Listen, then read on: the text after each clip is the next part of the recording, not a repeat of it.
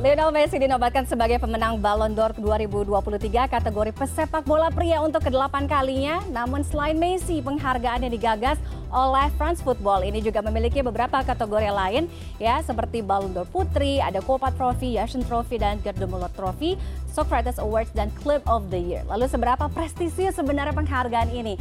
Apa bedanya mungkin dengan penghargaan lainnya salah satunya Best FIFA Football Awards dan apakah Lionel Messi ini memang layak untuk mendapatkan gelar ke-8 kalinya pada tahun 2023 ini.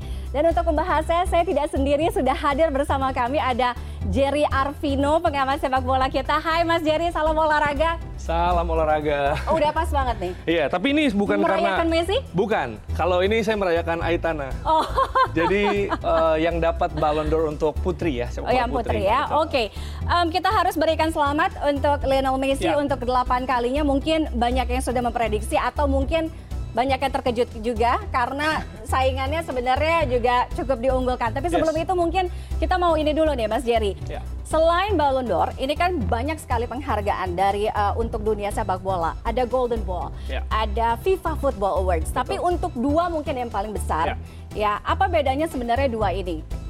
Ya, jadi sebenarnya ada dua yang kita tahu ya. Eh, ini FIFA Football Award, ada juga Ballon d'Or. Nah sebenarnya kalau secara sejarah, secara history, ini Ballon d'Or ini sudah ada 1956. Oke. Adalah sebuah penghargaan dari majalah olahraga Prancis yang namanya France Football. Jadi eh, mereka udah melakukan itu dari tahun 1956 ketika itu yang menang eh, Stanley Matthews yang sekarang jadi Sir, pemain Blackpool, rival itu Alfredo Di Stefano sama eh, Raymond Kopa ya dari Prancis dan juga Spanyol. Nah, dulu itu hanya untuk pemain Eropa.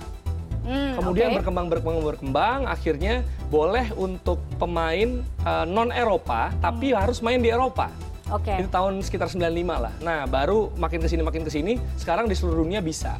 Oke. Nah, untuk eh, ini FIFA, FIFA? Football Awards tadinya namanya FIFA Player of the Year. Oke. Tapi baru dimulai tahun 1991 sampai 2009. Mhm. Kemudian mereka merasa Ballon d'Or ini prestis banget, Iya. jadi FIFA ngajuin 13 juta euro untuk kontrak sama France Football Oke. sekitar enam tahun. Jadi 2010 sampai 2015. Oke. Jadi mereka gabung nih. Mereka merger gabung namanya FIFA Ballon d'Or. Oke. Kemudian Setelah kontraknya itu, habis mhm. 2016, ini balik lagi, misah lagi. Misal lagi, Misal akhirnya jadi lagi. sendiri-sendiri ya. Sendiri-sendiri, betul. Oke, itu mungkin buat Anda yang, oh ternyata itu backgroundnya ya. Ya.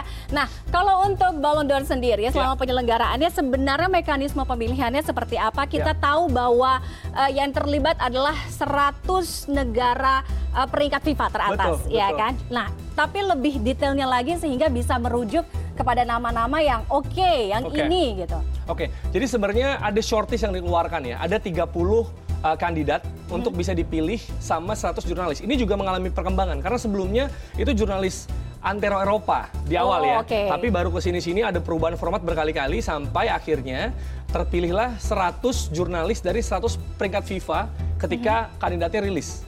Nah. Oke. jadi Indonesia belum bisa eh, di tahun ini karena itu 145 kalau nggak salah. Dan ini kayak kalau nggak salah udah mulai bulan awal September kemarin Iya, ya. udah Nah. udah diumumkannya di uh, ya Agustus September lah. Iya. Kemudian ada shortlistnya. Nah, setiap jurnalis, jadi kan ada 100 negara nih, Mhm. ya untuk 100 jurnalis. Masing-masing negara menyumbang satu jurnalis.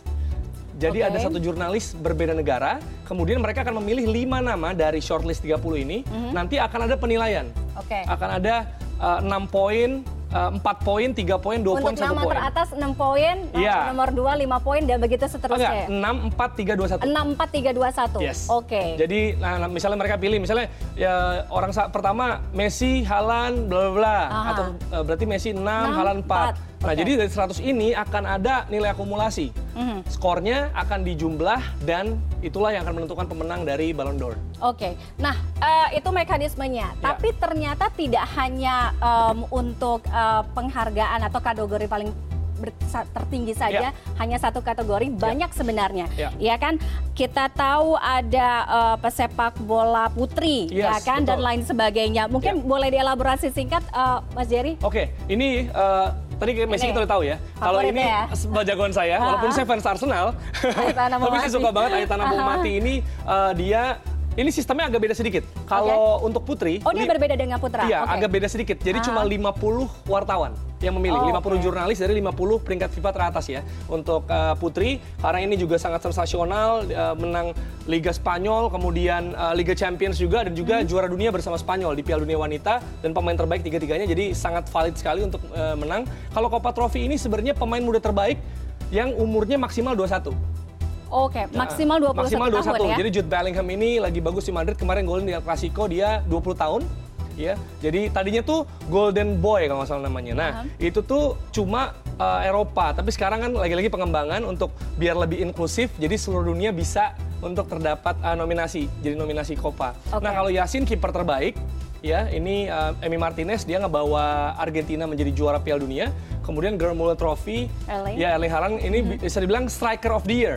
Nah ini baru ada sekitar tiga musim terakhir lah, empat musim terakhir eh, yang menang tuh Lewandowski, kemudian Erling Haaland untuk catatan golnya kan luar biasa ya.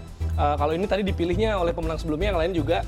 Kemudian eh, Socrates Prize ini eh, pemain yang memang melakukan aksi sosial. Jadi Vinicius Junior itu punya Vini Junior Institution yang mana memang eh, mengembangkan pendidikan untuk orang eh, anak-anak nggak mampu Oke. dan juga aplikasinya untuk anak-anak. Kemudian juga eh, Vini ini menyumbangkan sejumlah uang ya, sekitar eh, lebih dari satu juta euro untuk mengembangkannya. Jadi aksi sosialnya lah. Karena Socrates ketika menjadi pemain pun kita kenal sangat eh, peduli akan sosial begitu. Nah, kemudian klub terbaik putra, treble winner sudah jelas. Kemudian klub terbaik putri, Barca Femini itu Man City-nya cewek. Oke. Jadi menyapu bersih gelar yang ters- tersedia untuk mereka gitu. Jadi pantas sekali. Jadi intinya klub kemudian juga em, orang-orang ada di sini memang orang-orang yang terpilih dan pantas untuk Yes. mendapatkan em, gelar ini ya. Nah, kecuali ini yang jadi perdebatan. Kenapa sampai ke perdebatan? Ini delapan Iya. kali loh. Iya, iya, Em, betul. Apa rekor ya Betul, kan betul. Eh, Ronaldo lima Iya. kali ya kan paling apakah banyak perdebatannya gini? Iya. Apakah memang eh, pantas Iya. ya kan karena kemarin berhasil membawa Argentina sebagai Yes, juara yes. Piala Dunia sehingga itu penilaian besar orang mengapa kemudian Messi kembali mendapat trofi ini. Iya. Tapi banyak juga yang nampaknya Haaland gitu. Nah, itu dia. Kalau kita ngomongin soal pantas, kalau katanya adalah pantas, saya rasa dua-duanya pantas. Oke. Saya bilang Messi menang, Messi pantas. Tapi ini adalah perkara selera. Jadi kita bisa dibilang bagaimanapun nih award ada apa ya? Pastinya uh, subjektivitas orang yang memilih. Aha. Ini popularity contest juga Yep. dan ada bisa dibilang pajak Piala Dunia. Jadi karena dia bawa menang Piala Dunia, dia Inter Miami dia uh, membawa klubnya juga bagus ya di itu dan heboh banget. Mhm. Jadi bisa menutupi uh, pancaran sinar Halan yang mana memang di klubnya kan 52 gol sangat luar biasa treble winner tapi memang bisa dibilang City adalah sebuah sistem jadi ya kalau nggak ada dia De Bruyne bisa atau mungkin uh, Rodri juga bisa gitu tapi Oke. Messi tuh benar-benar menentukan terutama di Piala Dunia jadi walaupun banyak yang nggak suka bisa jadi karena bosen tapi saya rasa kalau pantas dua-duanya pantas Oke, em, apakah eh, kemudian em, apa eh, piala atau trofi ini menjadi yang terakhir? Karena mengingat usia Messi sudah Ya. usia 36 tahun, ya. Bisa jadi karena tahun lalu pun Messi nggak dinominasi. Tahun ini Cristiano Ronaldo nol vote.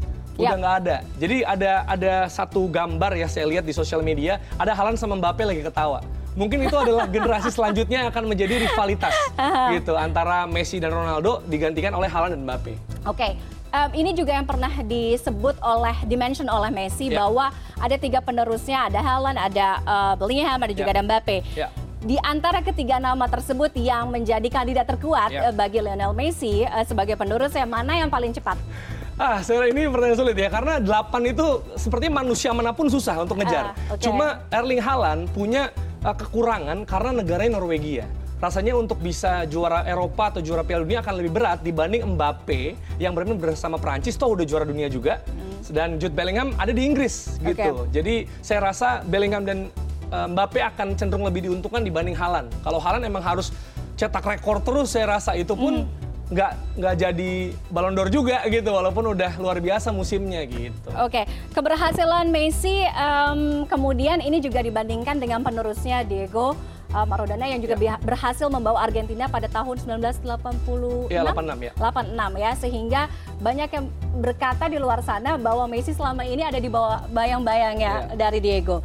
Setelah pencapaiannya sejauh ini, Ya. menurut uh, Mas Jerry seperti apa? Ya sebenarnya pasti beda zaman kita nggak bisa compare ya, Ah. karena ada banyak perbedaan. Sekarang juga Messi kena exposure, kena spotlight luar biasa dari sosial media, yang mana jelas banget dari jumlah followersnya, dari ada Messi langsung rame gitu Ya. kan, dan pastinya sorotan yang dimiliki itu akan membuatnya berbeda dengan Maradona. Dan juga Maradona kan sempat kena narkoba, sempat ada beberapa kasus juga meliputinya gitu, gol tangan Tuhan kontroversial. Sedangkan Messi cenderung lebih anak baik.